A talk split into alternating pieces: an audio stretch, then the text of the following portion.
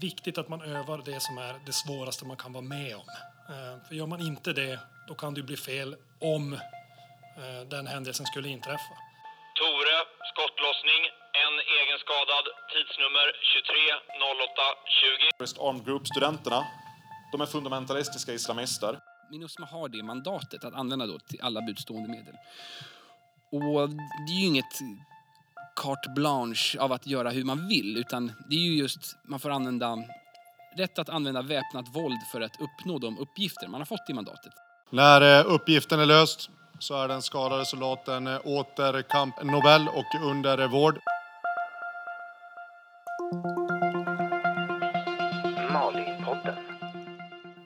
Det är slutträning för Mali 07.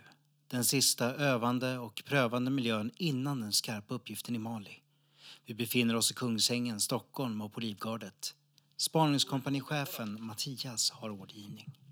Orientering. Eh, terrängen. Huvudsaklig kartan som jag nämnt är eh, den här kartan som jag strax kommer att ta upp. Eh, AOR Strängnäs 1 50 000 med förtryckta UPK. Granhammars kasern, alltså där vi är nu, är Camp Nobel i spelet. Landet vi kommer att vara och operera i är Bedukstan, läs Mali. Civilläget. Byn Strängnäs här domineras av Tinari. De här är nomader, de är arabisktalande, de är eh, kristna. Det fungerande landet Bedukstan befinner sig mitt i en fredsprocess som motarbetas av olika grupperingars agendor. Terrorister och kriminella nätverk försvårar möjligheterna till en lyckad fredsprocess.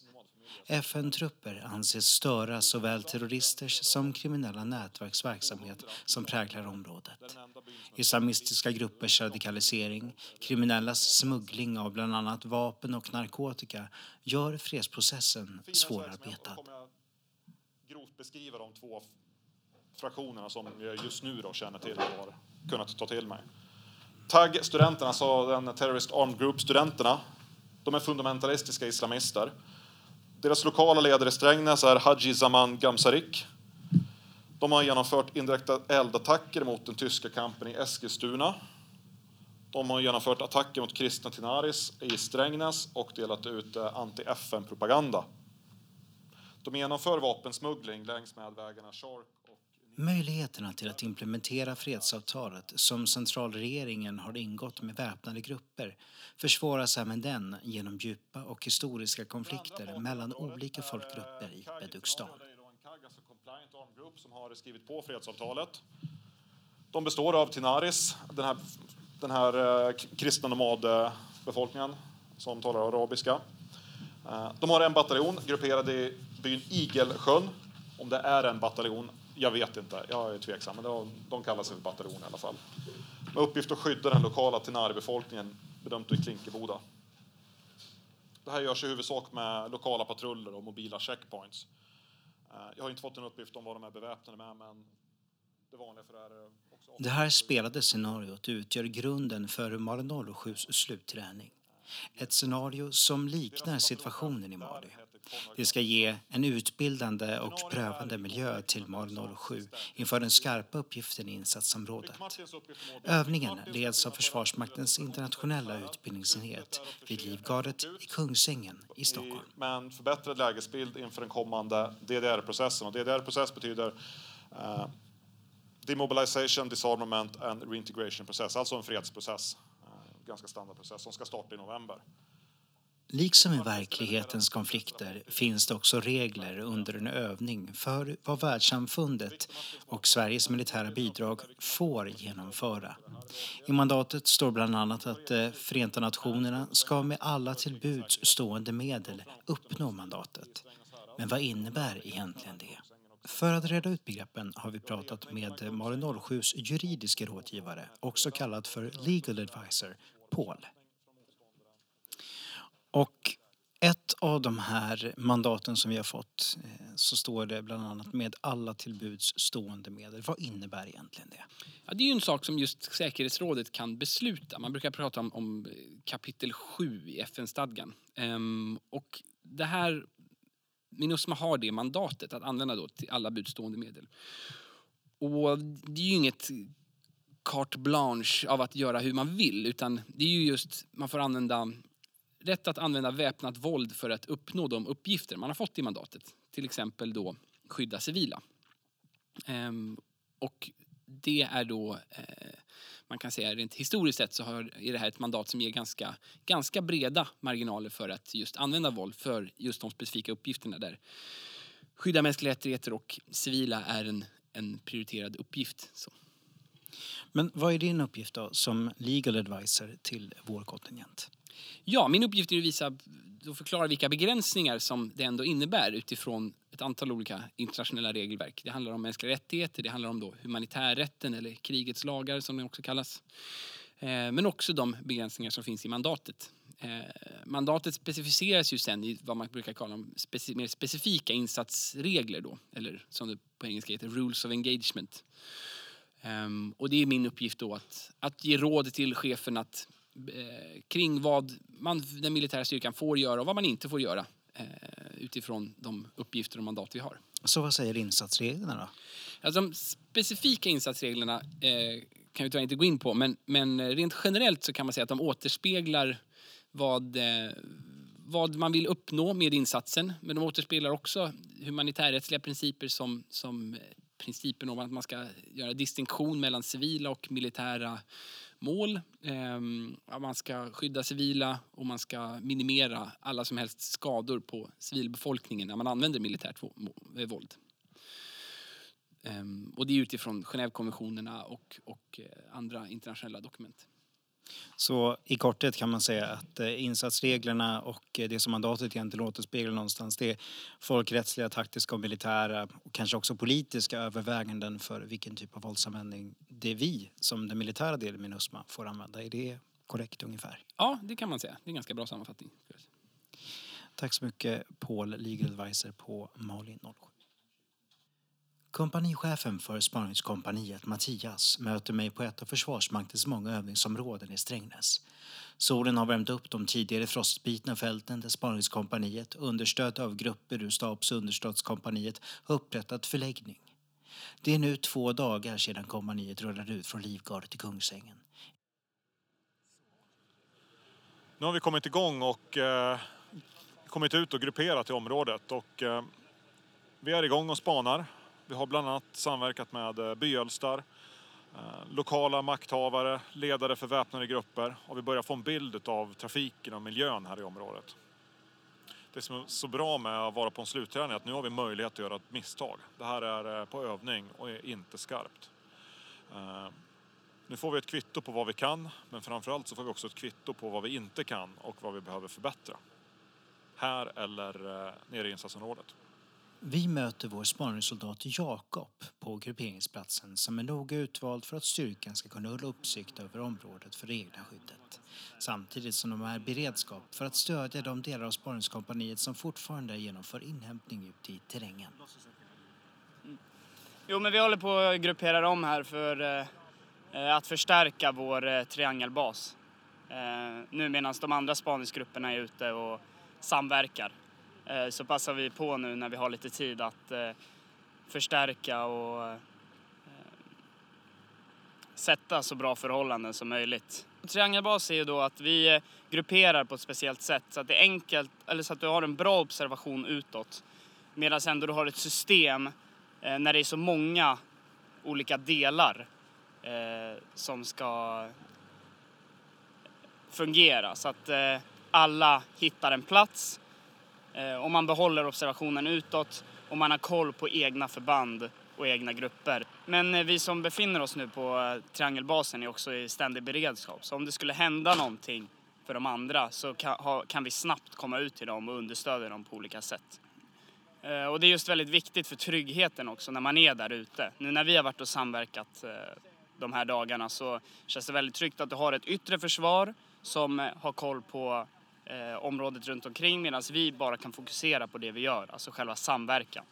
Och sen så är det också väldigt tryggt att om det skulle hända någonting där vi är så har vi alltid understöd då från eh, eh, andra platser som kan komma och hjälpa oss. Särskilda övningsmoment har gjorts tillgängliga för de som är ute i fält. Fanjunkare Niklas Halvårdsson leder en av stationerna i sjukvård i syfte att förbättra spaningskompaniets förmåga till omhändertagande av skadat. Eh, mitt namn är Niklas Halvordsson, eh, fanjunkare. Jag jobbar på P4, Skånings kompani vanligtvis. Jag är ställföreträdande plutonchef där och instruktör. Vi genomför en eh, tamponering. Tamponeringsmomentet som vi har här det är ett, att stoppa blödningar på där vi inte kan sätta tourniquet. Vanligtvis så arbetar vi med ett avsnörande förband på alla extremiteter, det vill säga ben och armar. Men det kan ju vara så att vi inte kommer åt stora blödningar till exempel i rumpan eller i armhålor. Därför så behöver vi lära oss tamponera också då. Då är det vi har gjort här nu. Moa, förare, chefsgruppen. Eh, jag har eh, använt eh, nya blodstillande förbandet som vi ska bära. Då använder man en låtsas-köttbit som man pumpar igenom låtsasblod för att eh, få rätt textur och eh, veta vart man ska söka, hur man ska göra. Därefter går vi eh, ja, igenom hur man ska göra och så får vi testa det här blodstillande förbandet. Då. Det Det ju som vi gör på nu, det liknar en skottskada in i en mjukdel och då ska vi tamponera med ett blodstillande förband. Alltså fylla såret med ett blodstillande förband och därefter sätta ett vanligt förband. Och det ska alla soldater och officerare kunna genomföra. Man måste vara förberedd. För, och framförallt med de eh, grundläggande grejerna. Jag upplever att inte kunna sin sjukvårdsutrustning det är samma som att inte kunna sin kulspruta. Det är en del av striden att kunna stoppa en blödning och eh, ha fri, se till så att eh, den skadade kan andas. Mali-podden. Tore, skottlossning, en egenskadad, tidsnummer 230820, kom. Kom. Helge, inget fientligt. Vi har fått in rapport från Quintus Martin 10 om eh, utsatta för eh, finkalibrig eld. Jag heter Anders och jag är stridsledare vid Mali 07. De har en egen skadad. Min uppgift är att när operationschefen har fattat beslut om vilka resurser som ska sättas in och därmed givit mandat leda de resurserna mot det som förbandet har anmält att de behöver. Påbörjat omhändertagande, äskar om heli medivac. Och syftet med det är att frigöra operationschefen för att fatta nästa viktiga beslut. Målbild, operationschefen. När eh, uppgiften är löst så är den skadade soldaten eh, åter kamp Nobel och under eh, vård. Vi har säkerställt identitet och de anhöriga är underrättade. Inriktning fortsatt strid, eh, stridsledaren. Mitt namn är Mattias och jag är operationschef för Mali 07. Det som sker det är ju att vi har eh, vi genomför ju planerad verksamhet där ute och eh, i det här fallet så fick vi en egen skadad soldat. Från våran plats då så utgår det någon form av stridsledning och samordning utav resurser för att stödja dem på plats. De på plats de leder det omhändertagandet som sker av den skadade soldaten men vi understödjer dem så att de kan göra det jobb de behöver göra där ute. Min uppfattning är att de är ju väldigt medvetna om att vi arbetar på att ge dem det de behöver så fort som möjligt. Jag heter Karl Adam och jag är stridsledare vid Mali 07. Och att vi strävar efter att alltid ligga eh, ett steg före i planeringen, åtminstone. Så att vi har tänkt på vad kan hända framgent, även om det inte har hänt dem. Så vi kan ha förberett och eh, dukat bordet så bra som möjligt för dem.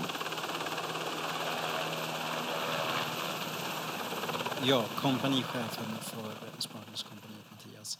Eh, ni har haft en skadad på plats. Vad är det egentligen som händer på plats? Först och främst så måste vi ju hantera den livsfarliga situationen som finns. Eh, oavsett om det är en strid eller om det är en trafikolycka och de extremerna som finns där.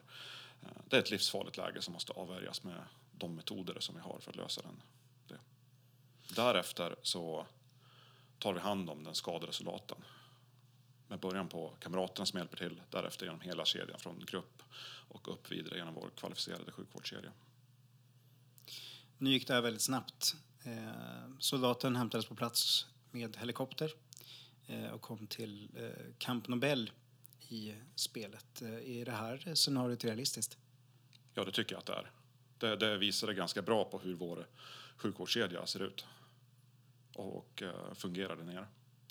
Det som händer här är att från Tocken, alltså vår stridsledningscentral, de som leder genomförandet, där kommer någon till mig och anmäler vad är det som har hänt. Mitt namn är Tobias Lindblom, jag är major och jag är stabschef på Mali 07. Utifrån det så fattar jag då ett beslut att eh, samla den här krisledningsgruppen. Ehm, initialt så larmar jag vakthavande befäl på armétaktisk stab, högkvarteret Stockholm, med ett enkelt telefonsamtal där jag beskriver vad som har hänt, vad vi vet just nu. Ehm, därefter anmäler jag att jag återkommer om och sen får han en klock, en tid av mig när jag återkommer. Sen lägger jag ner telefonen, samlar den här krisledningsgruppen inne på mitt lilla kontor och då börjar vi våran verksamhet. Ja, klockan är eh, halv. Eh, jag är på plats, S1 här, SMO är här, PIO är här, pastor är här, legad är här, S4 är här. Eh, eh, jag förstår att eh, tiden har varit knapp, ingen har hunnit jobba i sina respektive rör. Så den enda uppdateringen som kommer att ske är att jag talar om följande. Jag har meddelat och kompletterat med det sista till VBATS att det var, eh, eh de har fått befattningsnummer och namn. Eh, och det som eh, sades egentligen från Chief of Operation i det här rummet har nu det senaste läget. Krisledningsgruppen är samlad hemma i Sverige och det är nu eh, eh, en motpart i respektive funktionsrör. Så det är fritt fram att börja samverka med era motparter. Och det kan ni göra från och med nu. På ledningsplatsorienteringarna så enkelt uttryckt så genom att vi så många olika kompetenser eh, som finns samlade i krislednings- krisledningsgruppen så samlas vi eh, en till två, kanske tre gånger i timmen beroende på hur, hur akut händelsen är och hur mycket vi vet. Då samlar vi ihop oss alla eftersom alla varit ute ur rummet och ringt och pratat med de sina. Då samlas vi eh, för att delge varandra eh, vad vet du, vad vet jag och när vi sen släpper oss lösa igen från ledningsgruppen, då, eller från ledningsplatsorienteringen, då har vi samma lägesbild allihopa.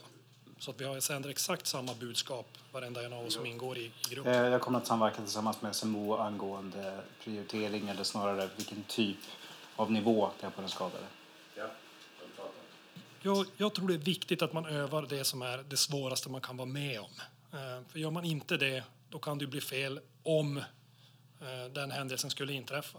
Så det här för mig är det här bara en trygghet, att vi alla varit med och övat det. De har övat det där ute med ett omedelbart omhändertagande. Vi har övat det i pastor psykologispåret, vi har övat det i sjukvårdsspåret. Så att om det nu skulle hända det här, då har vi övat rätt saker. Det vill säga, då kommer vi att kunna ta hand om det här på bästa möjliga sätt. Och det är en trygghet för oss och för, för alla runt omkring oss. Varför övar vi just sådana här moment med skadade egentligen?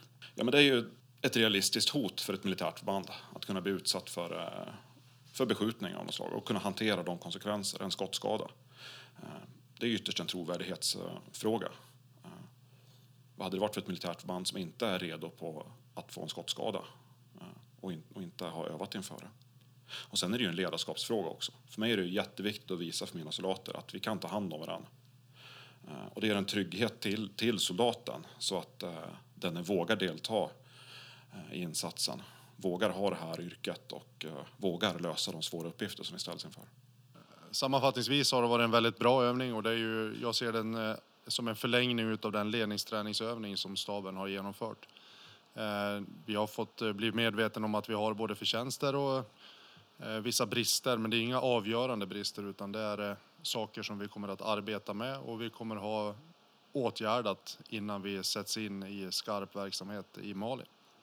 Det jag tar med mig från eh, den här övningen och eh, framgent, det är att vi har fungerande metoder. Vi är duktiga och eh, vi klarar av det hantverk vi är satt att lösa.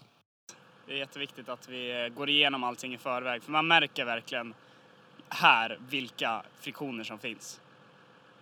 Och det är här man lär sig hur man ska lösa det mesta.